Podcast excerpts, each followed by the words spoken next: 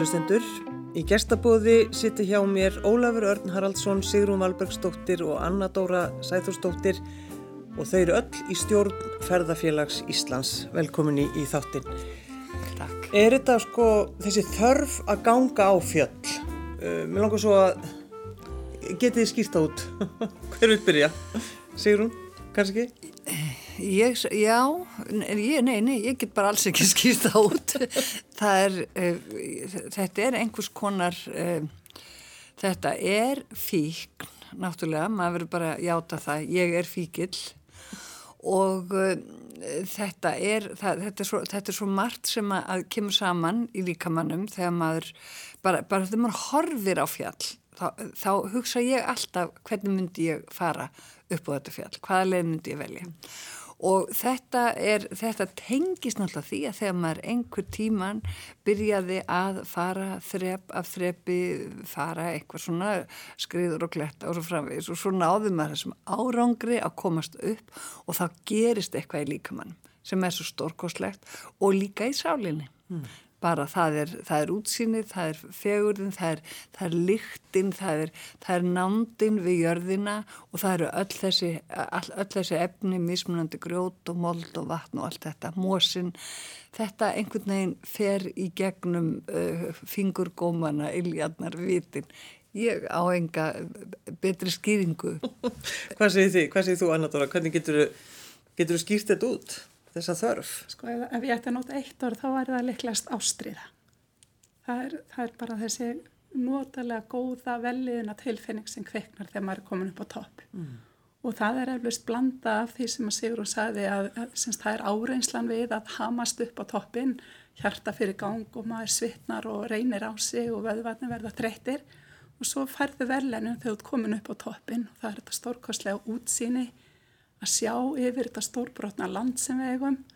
Það, það eru verlenin og, og þú verður ánað með þig fyrir, fyrir sko, að hafa afreikað þetta og, og hérna blandan af þessu skapar stórkostlega vel, veljiðan sem að, sem að, já ég er svona, þetta er eitthvað svona rástarsamband sem að maður fer í við fjöllin. Mm. Já, það, já, það maður bæti einu við, það er félagskapurinn.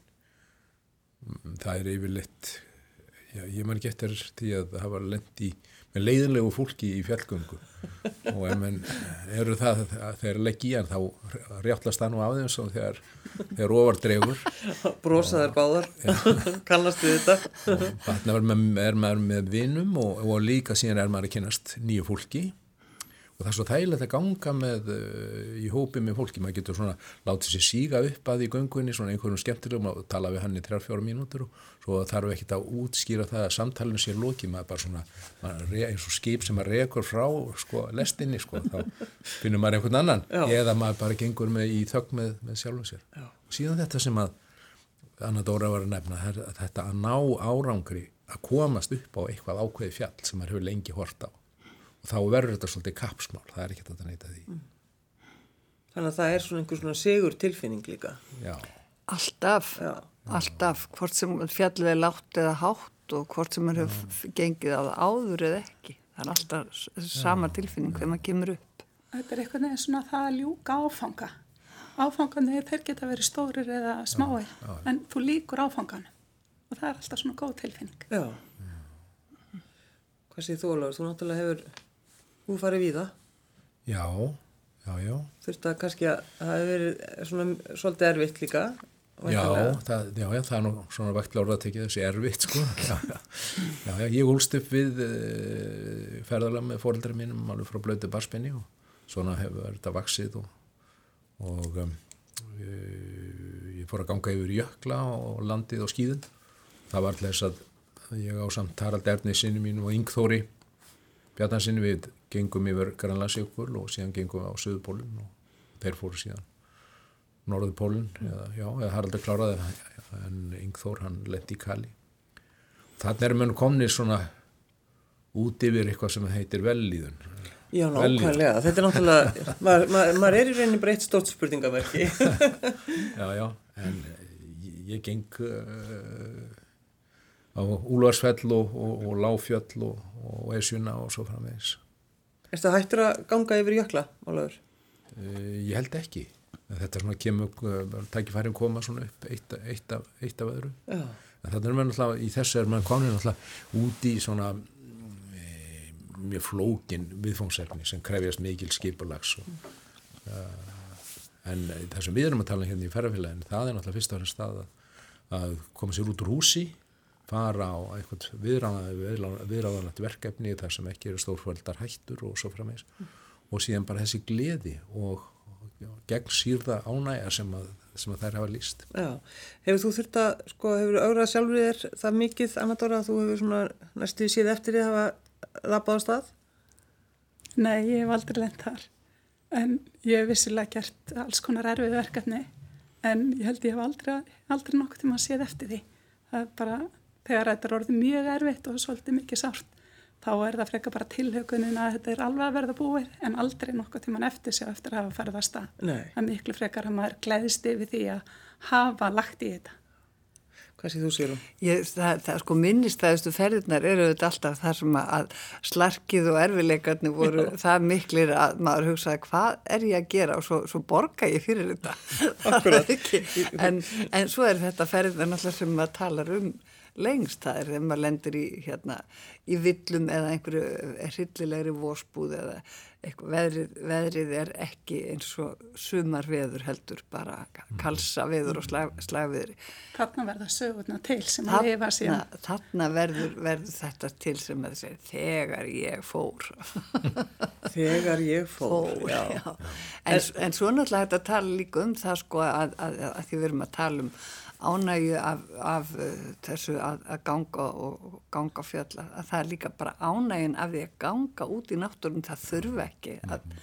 það þurfi ekki að vera fjöll það geta líka verið heiðar eða gamlar leiðir á millibyggðarlaga eða verleiðir eða mm. þingmannaleiðir mm. það, það er líka eitthvað sem að e, er, er sko þegar maður tengir söguna við uh, gönguna þá er það eitthvað sem að, að e, líka, líka er svo gefandi og þar verður maður líka mjög ríkur. Það verða til svona gönguhópar og, og vinahópar og það styrkjast náttúrulega bara vina, vinaböndin og það er, það er gaman í, í þessum ferðum. En síðan er náttúrulega við þessa útivist kosturinn sá að það hver og einn getur valið viðfóngsefnin það er ekki allir í sko, standa alveg helbláir á, á, á austu kletta brún heldur geta fólk, getur, það geta allir fundið viðfáðsefni við sitt hæfi Já. Ólafur, þú talar um fóröldreina, þú fórst að lappa með þeim hvað með þú, þig Anna-Dóra er, er, er þetta svona, varstu dregin dregin að stað þú varst lítil? Nei, ég myndi ekki segja dregin en mér var bóðið með já, já. og ég þáði ferðina það var þannig að ég ólst upp hjá einstærum móðu minni og hún átti engan bíl Þannig að við gáttum ekki kert ringveginn svona eins og marga fjölskyldi gerða þeim tíma. Heldur þegar við fórum í ferðarlög þá var það að fara með ferðarfélaginu, það var sest upp í rútu og, og það var stundu farið viku í kringum Hofsjökul eða helgarferði Þórsmörk. Og, og hérna þá var bara dvalið í skálanum og svo var farið við gungutúra þaðan.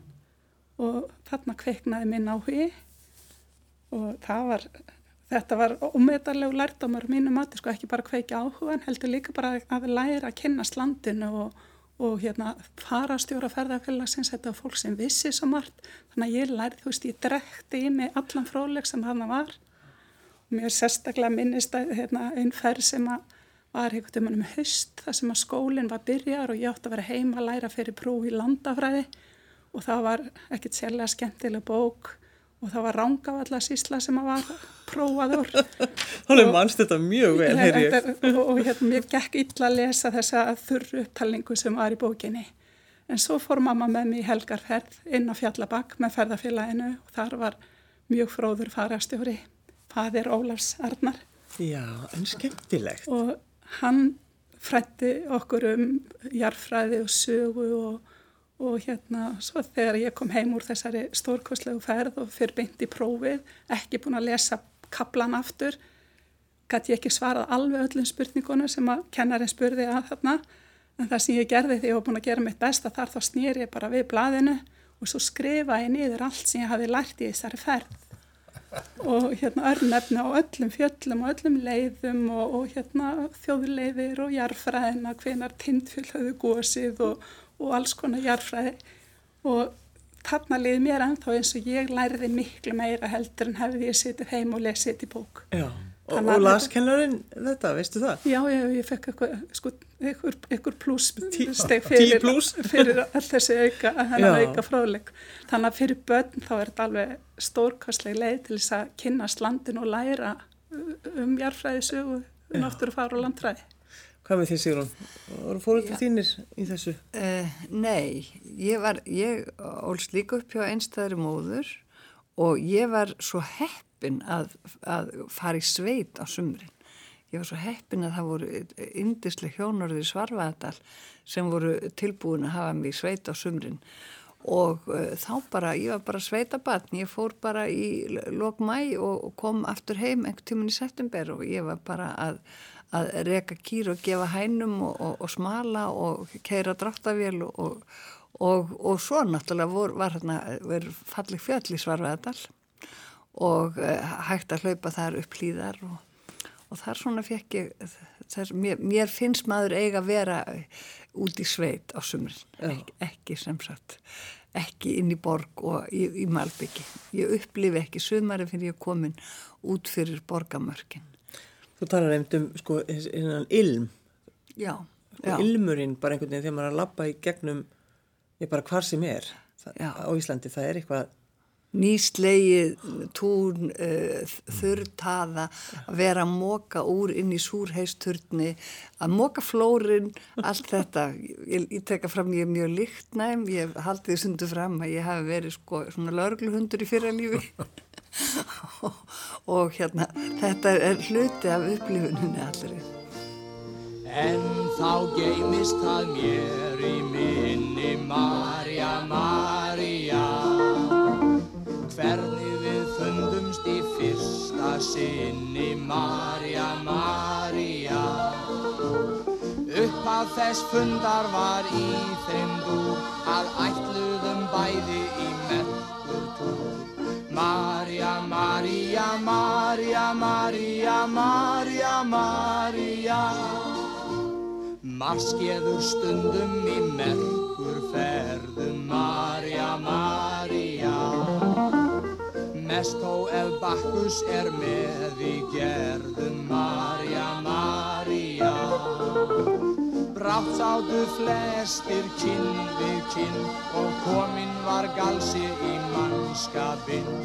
Marja, Marja, Marja, Marja, Marja, Marja Því er nú eitt sinn þannig varið Marja, Marja að árátta hvenn samr er hvenna farið Marja, Marja.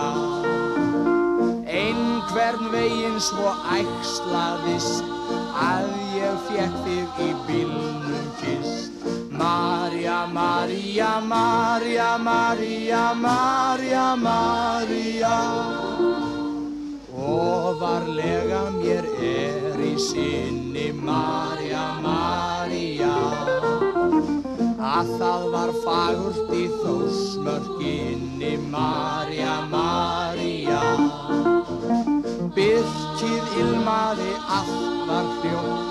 Yfir oss kveldi stjörnunótt Marja, Marja, Marja, Marja, Marja, Marja Ei við eina fjöl er ég feldur Marja, Marja og þú ert vist engin, engin heldur Marja, Marja Okkur mun sambúðin endast vel úr því að hæfir kjátt í skil.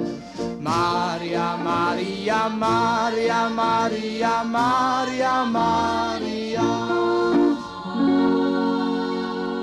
Trottu þér nú inn í tjaldið hjá mér Marja, Marja Síðan ætti ég að sofa hjá þér Marja, Marja Svo örkum við saman vorn æfi vel og er ekki tilveran dásamleg.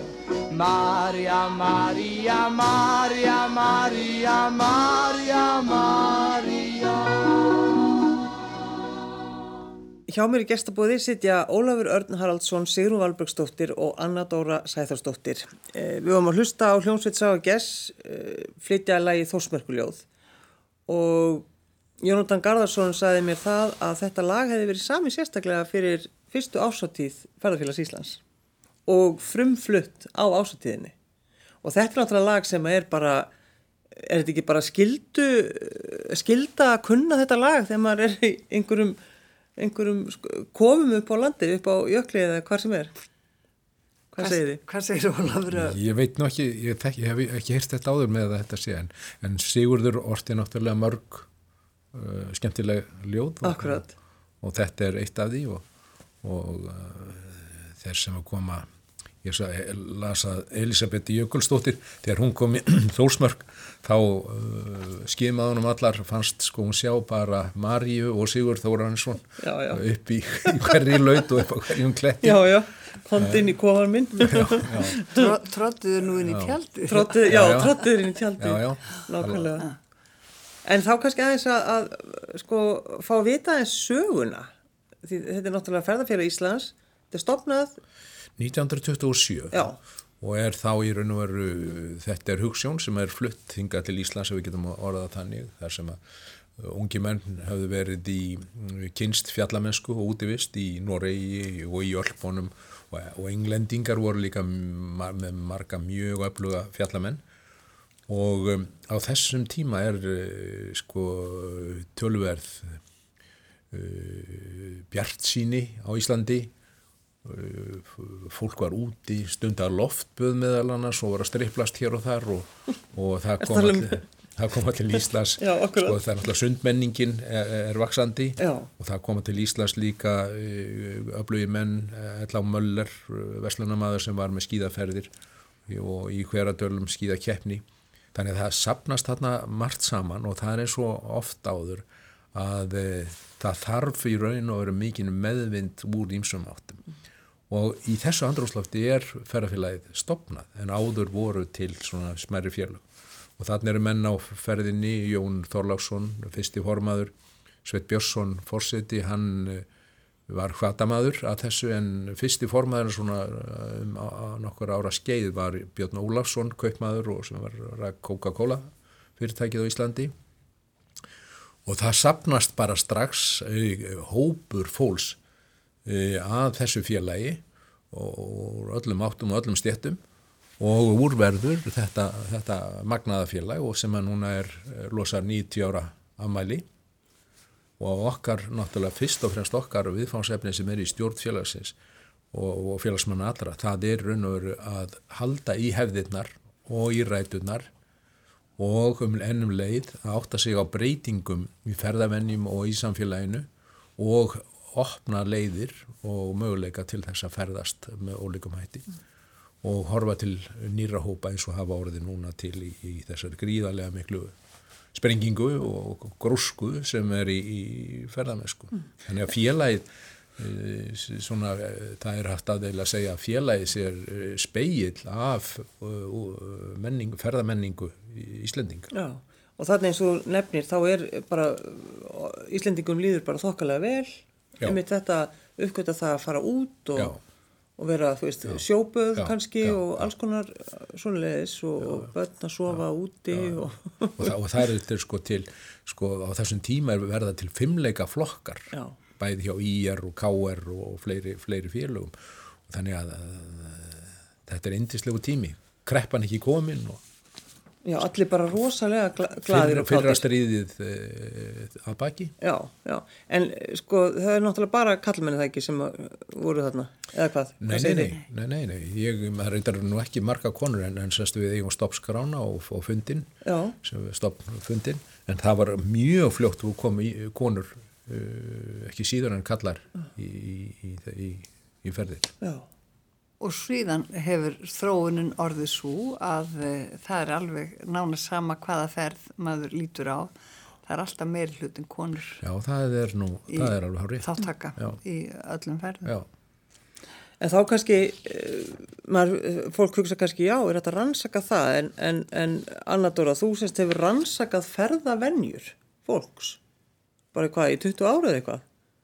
Já, ég er búin að sem starfa í Háskóla Íslands frá 1998 og byrjaði þá að stunda rannsóknir á sviði ferðamennsku og ég hef hérna, bæði lagt fyrir spurningalist og tekið viðtöl við mörg hundruð, við tekið viðtöl við mörg hundruð ferðamæln og, og lagt spurningalista fyrir nokkra tíu þúsunda núna. Þannig að ég hef orðið mikinn gagnabanka um það hvað ferðamenn er að sækjast eftir þegar þeir eru að ferðast um íslenska náttúru. Já. Og er þetta eitthvað sem, fyrir ykkur sem að þið eru náttúrulega leðsugumenn, er þetta mikilvægt fyrir ykkur að vita? skiptir bara mjög miklu máli Já. það skiptir mjög miklu máli að, að hérna, komast að því að það sé ekki bara eitthvað sem að manni finnst eða finnst að fólki eigi að finnast heldur að vita það að fólk, hvað, hvað fólki finnst eftirsóknarverk, hvað að, hvað að, eh, hvað að upplifir, hvað er mikil, hvað að vil vernda og, og, og síðan sko eh, kannski þá ekki síðu hvað því finnst vera að hvaða aðfinnslu fólk er með þetta, þetta skiptir uh, mjög mjög máli. Já. Þetta er svona leikilatrið í skipila og stefnumótum fyrir staði. Það er að, að vita hva, hvað fólk sem er þarna, hvað það er að sækjast eftir. Og svo með hliðsuna því að taka ákverðin, er það, er það sko, þarf að venda það, er þetta undir ásókn eða, eða er þetta í góðu lagi eða, eða eru kannski of margir hérna meða við það sem að þarf að venda þú horfir á sko, þú veist, er þetta viðkvæm náttúra, er óhætt að hleypa svona miklu fjölda að til þess að venda það sem er raunverulega aðdráttar. Ég meina, var það áhyggjefni þegar þú varst að byrja á þessu fyrir 20 árum? Algjörlega. Það er fullt af stöðum sem eru mjög viðkvæmir og, og á þeim tíma þá var fólk alveg byrjað að fara inn á mjög viðkvæm svæði en svo náttúrulega er hægt að stýra þessu með, með ákveðnu uppbyggingu bara við það að leggja gungustiga og, og palla og byggja upp aðstöðu salerni þá ertu búin að lagfæra staðin og þá ge- geta fleiri komið en áður það er gert þá getur staðu verið farin að láta á sjá og það er það sem að ferðarfélag hefur gert á mjög mörgum stöðum, farið í uppbyggingu á skálum, á aðstöðu, leggja göngustíga til þess að gera staðina tilbúna til þess að taka á móti fólki. Já. Þetta er svolítið gaman að skoða þetta ávarp sem var þegar að ferðarfélag Íslands var stopnað að þeir, þeir segja hérna áhugi hefur einnig vaknað fyrir því að kynna landið erlendum þjóðum, náttúru þess, sögu og þjóð hætti. Og hefur mönnum fyrir löngu ljóst orðið að fáfræði erlendra þjóða um hægi vora oss til hinnar mestu óþurftar á ímsan hátt og myndi oss á ímsan veg reynast stór hagur að aukinni þekkingu á landi voru erlendis. Já, þetta er fallegt. Þetta hefur allt ræst. Þetta, ég ætla að segja það, þetta er 1927 Já. sem að þetta er skrifað. Já, Sko, já. kaupmenn sem var sérstaklega þeir sem voru í útflutningsverslun, þeir áttu þessi snemma á því að það voru að koma tekjur með erlendum gestum sem henga komu. Já. Þeir legðu hesta og þeir legðu hérna, leiðsugumenn, borguðu fyrir gistingu, þannig að allt í einu fundi menn að þarna var allt í einu komin peningur í kerfi. Já. Þannig að þá byrjuði þeir raketera fyrir því að erlendu ferðar með kæmuhinga líka. Og svo er- fengum við að njóta þess Og eh, þetta- þegar þetta var orðið stór útflutningur. Já, hérna. nákvæmlega. Þa, þannig að þetta í rauninni hefur einhvern veginn verið bara frá byrjun þessi pæling. já. Já, en þó hefur þetta nú, uh, hefur nú félagið svona alveg markvist haldið sig frá því að uh, vera markasaðili erlendis. Og mér finnst það líka vera uh, mikilsvert að, að félagið sé ekki að ónáða eða keppa við ferðarþjónustu fyrirtæki sem er að, að markasetja uh, ferðir og Ísland. Við erum frekar að halda okkur að taka mótið þessum ferðarmennir sem aðri þá selja. Og en, fyrst, en, en, en, en láta hafa einhver svona verka, verkaskipti í þessu þannig að, að þessi áherslatrið sem þú last þau eru vissulega en við lítum ekki á það sem okkar hlutverk að vera með markaðsstarf erlendis. Nei. Það er rétt að sko, ferðarfélag Íslands er náttúrulega áhuga mannafélag og það er, það er líka mjög gaman að hugsa til þess uh, hversu framsýnir þessir menn sem voru sem að, að stóðu að stopnun félagsins og sem að semst urðu félagið í upphafi að eiginlega það fyrsta sem þeir voru að hugsa um það var aðstæðan á hálendinu. Það var það að byggja þessa skála. Og, og það er náttúrulega bara, það er sko bara upplifun að koma í fyrsta skálaferðarfélags Ísland sem er reistur í Kvítárnessi við, við Kvítárvatn mm.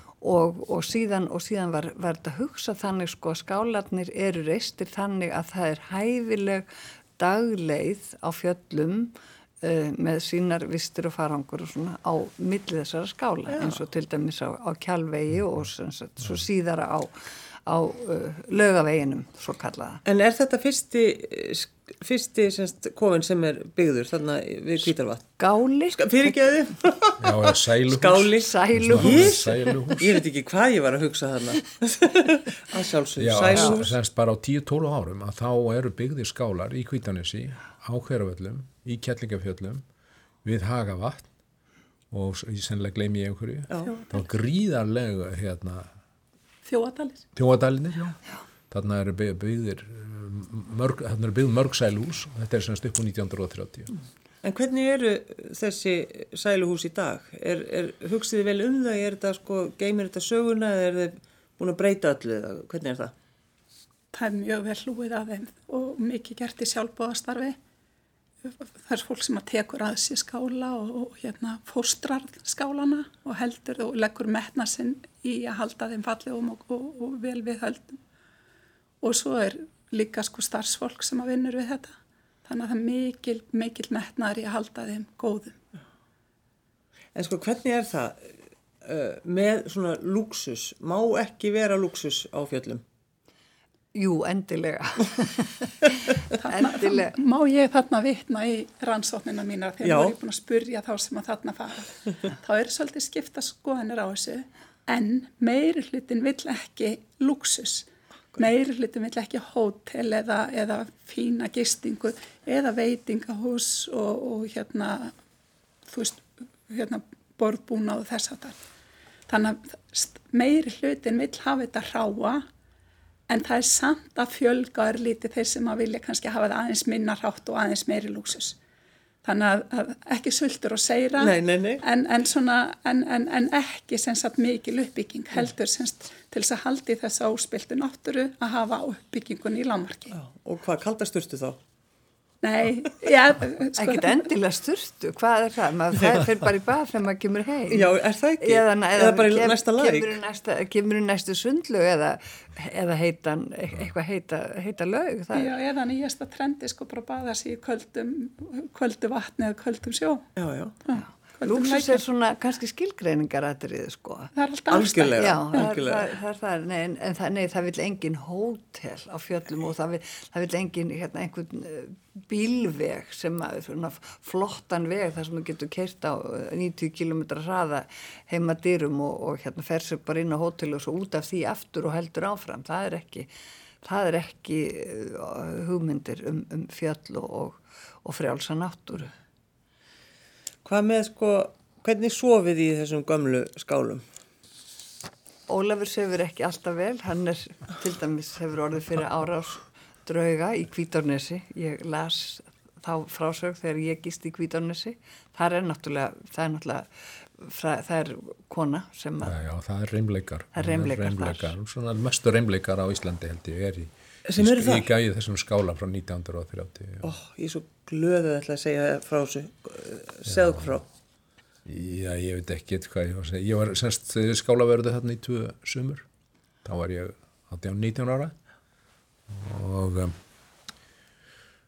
ég uh, hafði þann síðað uh, aðtuga öll hljóð sem ég heyrði, það fór ég aðtugaði þannig að ég þekkti orðið brakið í húsinu þannig að ég þurfti heldur að óttast þegar ég heyrði en svo eitt einan nóttina ég vakna við það að það er e, nýtt ljóð sem ég kannast ekki við og það er svona eins og sé verið að banka og dumpa einhver staðar í húsinu og, og þá fer ég svona fram á, á loftið, sá upp á, upp á efri hæðinni og uh, skima niður fyrir loftskurina og var með oljulugt og kíkja svona niður fyrir og þá er gluggi svona á, e, á hlið, hliðinni á, á skálanum gras tó upp að glugganum og, og þegar ég líti þarna niður, niður og þá sé ég bara föl, föld andlit sem horfir á mig.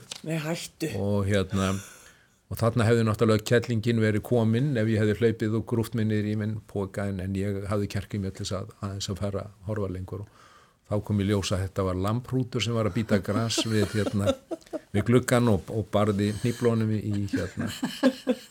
En að, aðeins að svo bara óhjákvæmlega þegar vorum að tala um söguna að minnast þess að, að ferðfélagi gefur út árbók og hefur gert það alveg frá fyrsta ári og, og, og, hverju einasta ári. Og þetta er sennilega einhver mesti fróðleikur sem hægt er að finna um land uh, og sögu og, og, um, og aðstæður.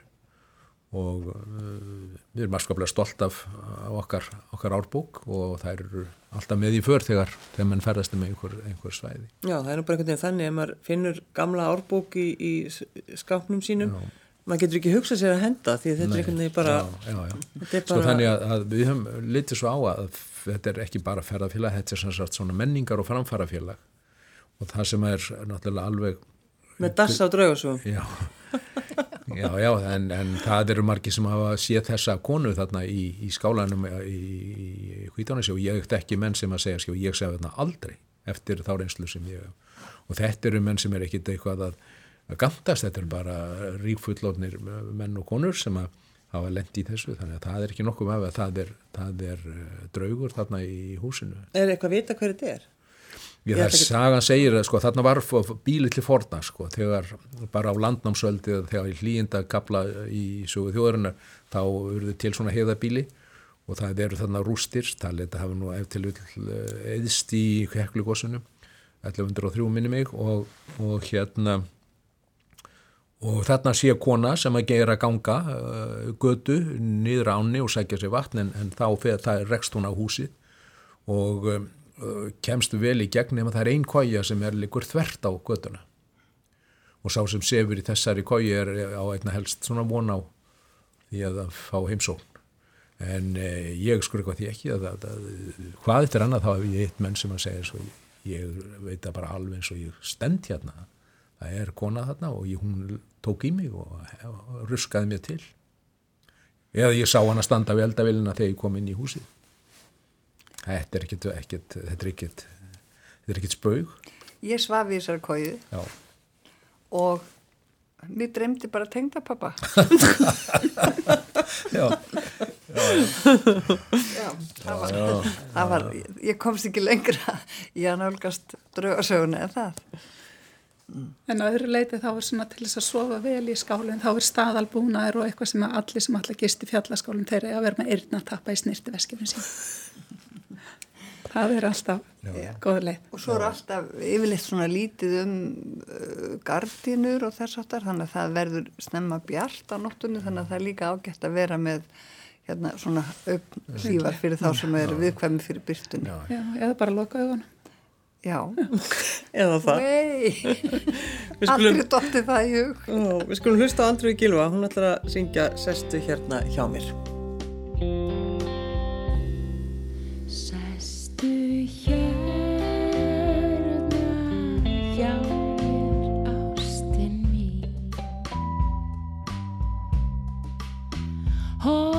Horða svo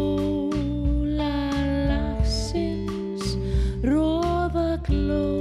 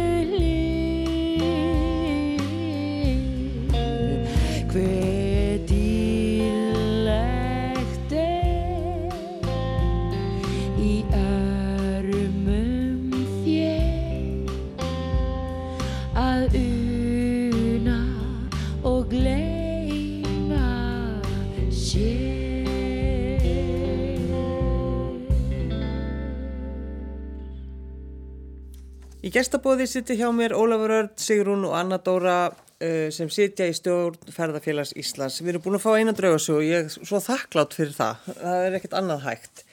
En uh, sko, hvernig hugsiði sumarið núna og, og er þið búin að sjá fyrir ykkur hálendi svona tómt eins og það mættanlega verður?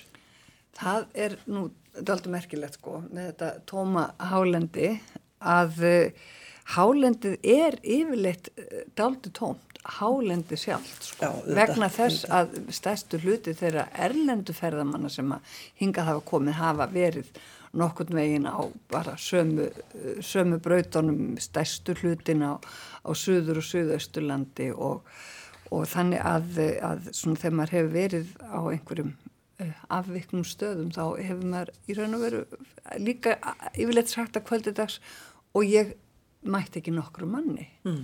Svoleiðis, en, en, en ferðafélag Íslands náttúrulega e, gefur út stóra ferðaáætlun og þessi ferðaáætlun er ekki bara fyrir hálendið, hún er fyrir, hún er fyrir allt Ísland, það er all landið undir líka margar deildir ferðafélagsins sem starfa út um all land og þetta er líka fyrir, þetta er líka allir aldurshópar, ég meina það er ferðafélag barnana og það er bara, ég held að sé bara uppselt í allar ferðir fer, á vegum ferðafélags barnana í sumar, það var, voru settar inn aukaferðir og þær seldu strax upp. Og svo er líka til hið skemmtilega fyrirbæri sem heitir FI Ung sem er fyrir þá sem að vilja loksins sleppa takinu á fóreldrunum og fara, fara sjálfur bara með vinahópnum 18-25 ára og, uh, og svo bara allt uppi bara svo lengi sem þú getur hreft þig utan dýra og, uh, og það er náttúrulega að, að sjálfu leiðir af nú horfir fólk mjög til ferðarfélagsins hvað er, hvað er til, hvað er í bóði hvað getum við gert í, í, í sumar? Nákvæmlega. Þetta er náttúrulega eins og, við vorum að segja sko, ferðavenjutnar hafa breyst og sem að Anna Dóra hefur verið að rannsaka og ferðafélagi þarf að bæða vera frumkvöðl og hvetja til nýra uh, ferða og ferðamáta og sömulegist líka bara fylgja þeirri eftirspurt sem að kviknar annar staðar. Og núna hafa fjallaskíðaferðir orðið vinsælar og við erum með hjólreiðaferðir og ferðafélag barnana og síðan erum við með það svona sérstaka það sem við kallum fjallaverkefni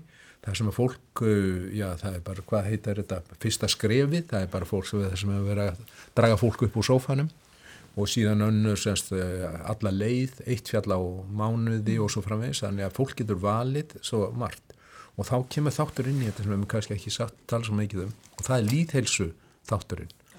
Við teljum að svona fjölög eins og, og ferðarfélagi, það er náttúrulega fleiri sem ég maður að gera það, hafi eh, verk að vinna að taka undir þá líðheilsu bylgu sem að gengur núna yfir þjóðina, bæði hvað varðar reyfingu og mataræði og þar við gotanum og við höfum svona lítið svo á að þetta sé okkar, okkar verkefni. Já. Anna, hvað ætlað þú að sjá, sko, hvað er það fyrsta sem ætlar að fara á núna? Því það, það er náttúrulega, við vitum það, það verður kannski minna í, á þessum vinsælustu stöðum. Sko ég er þáttakandi í tveimur á þessum verkefnum ferðarfélagsins. Ég er í svo kölluðum landvættum og landvættirnir þeir skýða, hjóla, synda og hlaupa. Þannig að það er svona stórverkefni framöndan. En næsta verkefni framöndan það er á vegum landkönnuða ferðarfélagsins og það eru þeir sem eru útskrifaði landvættir, þeir geta haldið áfram og eru landkönnuðir. Og það er nú bara í næstu viku, þá fara landkönnuðir í, í jökla leðangur um austur hluta vatnajökuls og það er mín fyrsta svona, ég hef oft farið dagsferðir inn á jökul en ég hef aldrei farið í svona alvöru, þetta er ekki kannski jafn mikið alvöru eins og að fara á Suðuskautinu eða við Grænlandsjökul en þetta er samt uh, hvað vikuferð yfir vatnajökul okkar stæðista jökul. Það er svolítið skemmtilegt, uh, kalla þetta landkönnuði. Mm -hmm. Já, því að þetta, þetta er algjör, þetta eru landkönnuðir, þetta er að vera að fara á ótráðna slóðir Já. og það getur alls konar komið upp á óvænt og, og hérna og það sem að hópur á það sameilegt, hann er ekkert með væl og vesen, þótt eitthvað komið upp á eins og Brynhildur Rólastóttir og Robert Marshall sem eru með þannan hóp sögðu þegar að við vorum við vinn þarna að þau vissi það, þessi, það er að bjóða þessu fólki upp á hvað sem er. en sko þegar þið hugsið tilbaka frá 1927 uh, Við erum ekki, við vorum ekki fætið þá Þegar, sko. Nú er það ekki neitt. Það var öll komin að grafa bakkar. uh, sko skórnir, göngu skórnir á þessum tíma og eins og er í dag, hvernig, hvernig voru skórnir? Það voru náttúrulega komni leðurskór. Já. Og þeir voru nú óhenduðir og blotnuðu og, og svo frá þess. En það voru bara margir sem genga og svona eins og hétt í gamla dag strygaskóm mm. en vinsætt göngubúnaður uh, eins og þetta hér fóröldar mín voru stígvél. Bara lappa í stígvél legghá stígvél sem hafa, það er ótrúlega hvað stígvél eru að þægilegur og henduður ferðabúnaður. Í fyrsta legi þá er þetta vaða litla leggi og í öðru legi ef, ef að stígvél blotna þá er það mjög flóta að þotna og um, það er að vera mjög góðum og þykkum sokkum mjög góðum og þykkum sokkum. Og sokk allir skiptana því að þetta verður náttúrulega stundum daldið uh, svona. Ilmar. Já, en þetta er mjög og ég sé til dæmis að í hérna, fjárleitum uh, inn á landmannaafrétti það eru margir í stífil stífil er ekki svo, ekki svo rángu búnaður. Nei En, en sko, en þá leiðir nú uh, hlýtur að vera talið að sko búnaðinum almennt. Og þegar maður sér búnaðin hjá þessu fólki, ég sé til mér eins og matarlistan sem er innkaupalista hjá fóröldri mínum, ég sem verið að fara kannski í vikul tíu daga göngu, þetta var náttúrulega alveg skelvilegu búnaður. Þetta eru, sko, þetta eru gamlu trýtningapokarnir sem að hengu bara aukslónu, það var ekkert verið að nota mittið í þetta var kannski gæruskinsbóki ofan að þessu og lérhættstjald og oljuprímus og síðan kemur matalistin það er sko, það er súpukjött og, og það er hangikjött og það er þetta það var að bera það þess að byrðarna voru bara sko vel yfir 20 kíló. Ma marga, marga daga. Og hérna um, sem betur verið þessi búnaðu til hjá ferðarfélaginu svona, svona litlu sapni sem við erum með en það er ekkert að bera þetta saman með það sem við erum með núna En stífil eru góð til að ganga á ég maður gekk stífil um allt sumarið í sveitinu og þegar já. ég byrjaði fluttu heim frá útlandum og, og við fórum að ganga þá byrði þetta ekki í hugun eitt annað heldur en stífil til já. að færi ég veist ekki hvað pjatt þetta var með þessa göngu skó ég veist ekki hva, hvaða tilgerð er hvað, þetta hvaðan kom það, hvenna kom það til í, í, hérna, í skómenningunni mm. Hvernig voru pappið þín og mamma? Hvað voru þau með? Hvernig voru skotnið þeirra, Anna? Ég man ekki betur eftir að við bara vorum í leðurskóm. Já, akkurat. Það var bara búin aðeins strax. Já. En að því þið nefnir náttúrulega matinn, Ólafur, þú vorst að tala um það sem mammaðin og pappi pökkuðu sko um, er eru það að borða svona í svona löngum og erfiðum ferðum er það þá svona bara duft duftmatur? Sko ef maður er að bera mat með til margra daga þá náttúrulega er maður með þennan þurrmat Já, og Já, þurrmat. það er maður með þurrmat sem maður setur bara sjóðandi vatn úti Já. og maður viktar nákvæmlega upp á, upp á gram sko hvað maður fer með mikið að haframjöli í, í morgumattin eða, eða musli og, Mm.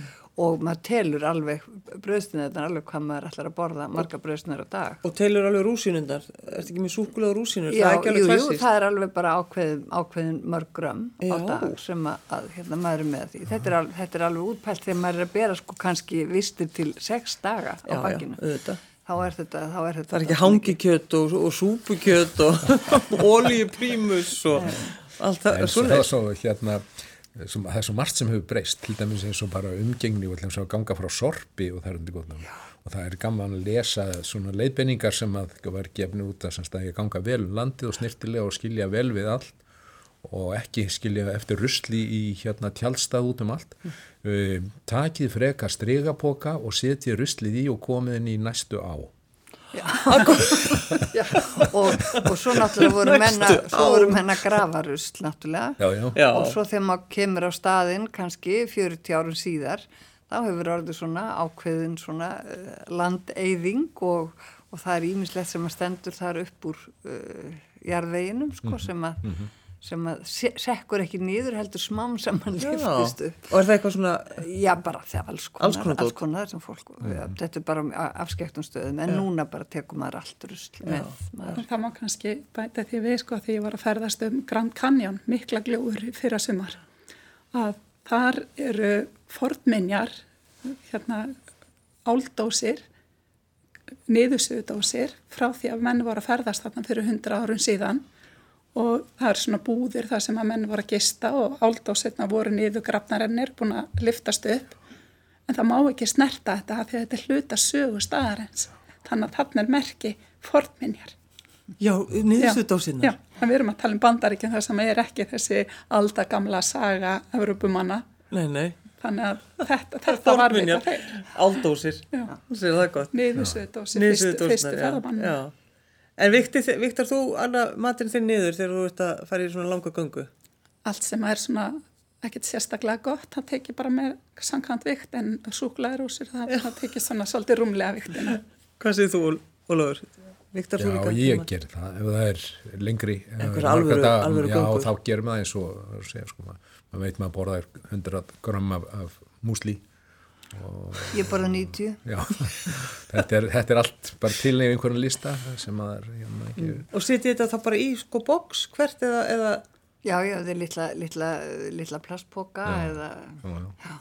það er það þýðir ekki að vera að líta á svo nesti eins og eitthvað af- fulla hlöðu af vistum sem er ekkert að bara fara eins og svangur björn að rótast í og geta, vera að geta bara nákvæmlega það sem er ætlaði þennan dag. En þetta er náttúrulega bara svona naumhyggjuferði sem að þau eru að tala um Já. sko, þegar maður heldur á öllu en svo er það auðvitað hluti af ferðalögum þegar maður sko, þarf ekki að halda á þegar, ef, ef það er út eða bíl með að vera með góðan mat. Já. Veist, það, það gerir góða ferða en það betri. Nákvæmlega, fara, og fara á milli, ganga á milli skála og fara í þórsmörk vera það er þrjá fjóra daga þá náttúrulega og allt annað, allt annað við. Já, Þú veist, það er grill og, og þú veist, þú þarf bara að með kjöt og, og, og kól og þá er bara komið veisla. Við leggjum mikið upp úr því að, að, að, að bæða þarna sé góður aðbúnaður og síðan að, að það sé gaman í ferðunum. Við leggjum mikið upp úr því að þetta sé, þetta, er, eru ánægjuferðir. skiptir mjög miklu máli til dæmis þegar maður er að enda ferð, að enda ferð á uh, skemmtilegri, góðri kvöldmáltíð og kvölddagsgrá og, En öllu þið, þessu. hafið þið gegnum tíðina þurft að sko tala fólk, þú veist, upp fjöll eða niður fjöll, hafið þið lent í erfileikum með ykkar, ykkar kúlna? Það náttúrulega gerist alltaf annars slægið að ykkur hérna, verður þreyttur og, er kannski nálægt í að gefast upp. Ef eitthvað kemur upp á minna sem er geta meitt sig, misti í sig á leiðinni og þá þarf sannlega, það er ekki alltaf hægt að koma að sækja þar sem að það gerist, þannig að þá þarf að klára og þá þarf auðvitað svona svolítið andlegan, andlega kvartningu eh, til þess að koma fólki áfram. Já. það gerist alveg í ferðum. Við leggjum mikið upp úr því að vera með fyrsta flokks farastjóra bæði að vegna þeirra mentunar og annars og hefileika sem þeir hafa og, og þær eða þau eða hvernig maður orðað það. En síðan eru við með námskið þar sem við þjálfum farastjórun okkar og ímis önnu námskið um slísavarnir og öryggismál og þarandi gotunum og Sigrun hefur einmitt verið með eh, námskið fyrir farastjóra. Og þá er eitt af því sem farastjórarnir okkar læra að það er að gæta því að halda hraðanum niður. Farastjórun er náttúrulega til þess að þjóna farþjónum en hann er ekki þarna til þess að sína hvað hann er í gríðarlega góðu formi fljótur að labba upp fjallið? þannig að þessi aðferð sem að farastjórar uh, læra að ganga svo hægt að, að allir ráði við það en ekki vera alltaf hendast að þessi sprettum á, á stansa allt og verðt langir segir kaplar skila um langmest og þetta trekkir sko e, næstu því alla upp á, á fjalli, held í, í Öravei á Kanadarsnjúk séu í okkar ferðin það er yfir 90% sem, sem komast og það er að þið ferðin á hægt Já.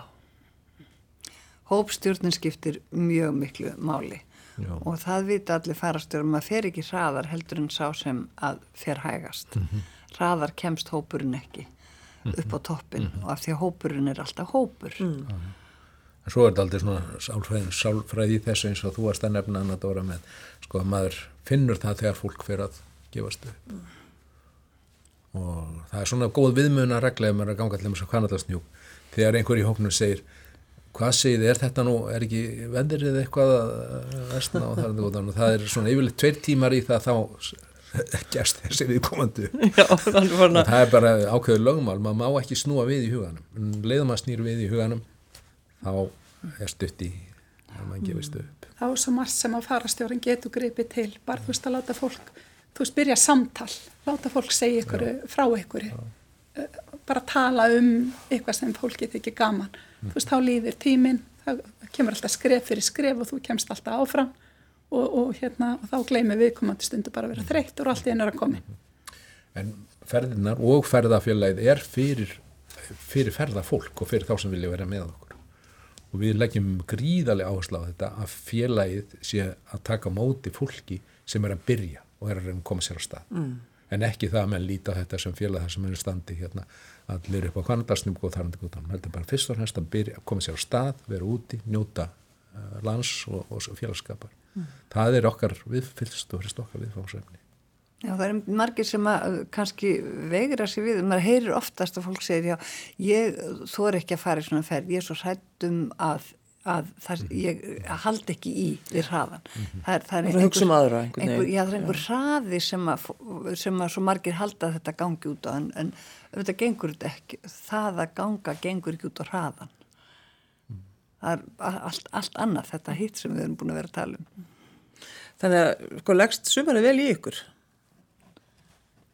Ég held þetta ég eftir að verða alveg svakalega skemmtilegt ferðasumar. Við hefum núna svolítið landi fyrir okkur með kostum og göllum, sko, en ég held að allir Íslendingar ætti að njóta, njóta sumarsins eins og þau geta og fara um landi vegna þess að landi okkar er svo stórkostlegt og það er ástæða fyrir því að fólk er að borga dýrar ferðir til að komast yngar til þess að ferðast um landið, erlendi ferðamenn.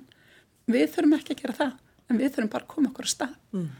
Þannig að við eigum að njóta þess að ferðast um landi og sjá perluna sem við erum búin að vera að selja. Núna bara getum við notið þeirra sjálf.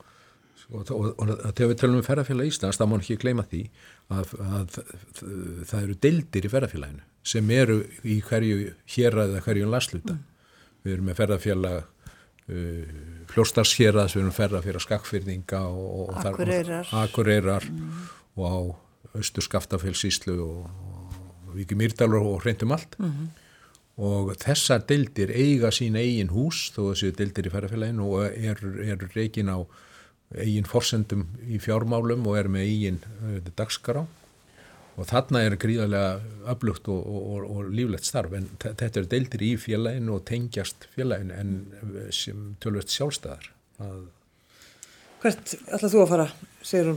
Ég er nú á leiðinu mjög bráðlega með uh, stóran hóp á meðan ferðarfélagsins uh, í sögugöngu. Ég hef svona staðið fyrir sögugöngum e, hinga á þanga um landið undan farin, hvað er 15 ár, eitthvað svo leiðis og, og þetta er alltaf einhver ný saga sem er tekin fyrir og nú ætlum við að taka fyrir söguna um, um svarta vikingin, germund, heljarskinn og leitina svarta vikingnum og höfum fengið höfund þeirra bókar í e, lið með okkur, e, Bergsvein Birgisson og ætlum að fara að vera á, á Skarströnd og í Sörbænum og svo fer ég sjálfsagt eitthvað norður í Húnavarsíslíður þar líka með svona bókmyndaferð uh, á slóðir náðarstundar söguna Vagnis og Friðrik Jú, jú.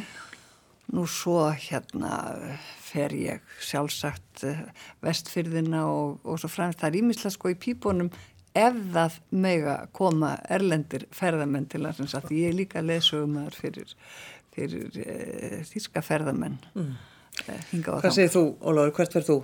Svo. Ég fer í, í, í Lónsörafi þar sem ég reyndar komið áður og, og hérna alltaf njóta, njóta þess en, en sumar hjá mér fer tölvert í að skrifa árbók, ég er að skrifa árbók fyrir ferðarvelegið og sem á að koma út næsta ár og hún fjallar um laugavegin og fimmöruháls var nú komin tími til. Var nú komin tími til. Þannig að ég verði svona í stuttum gungum uh, inn á því svæði uh, til þess að sapna svona því síðasta sem ég þarf í bókina. Já, og Anna þú ferði upp á jökul.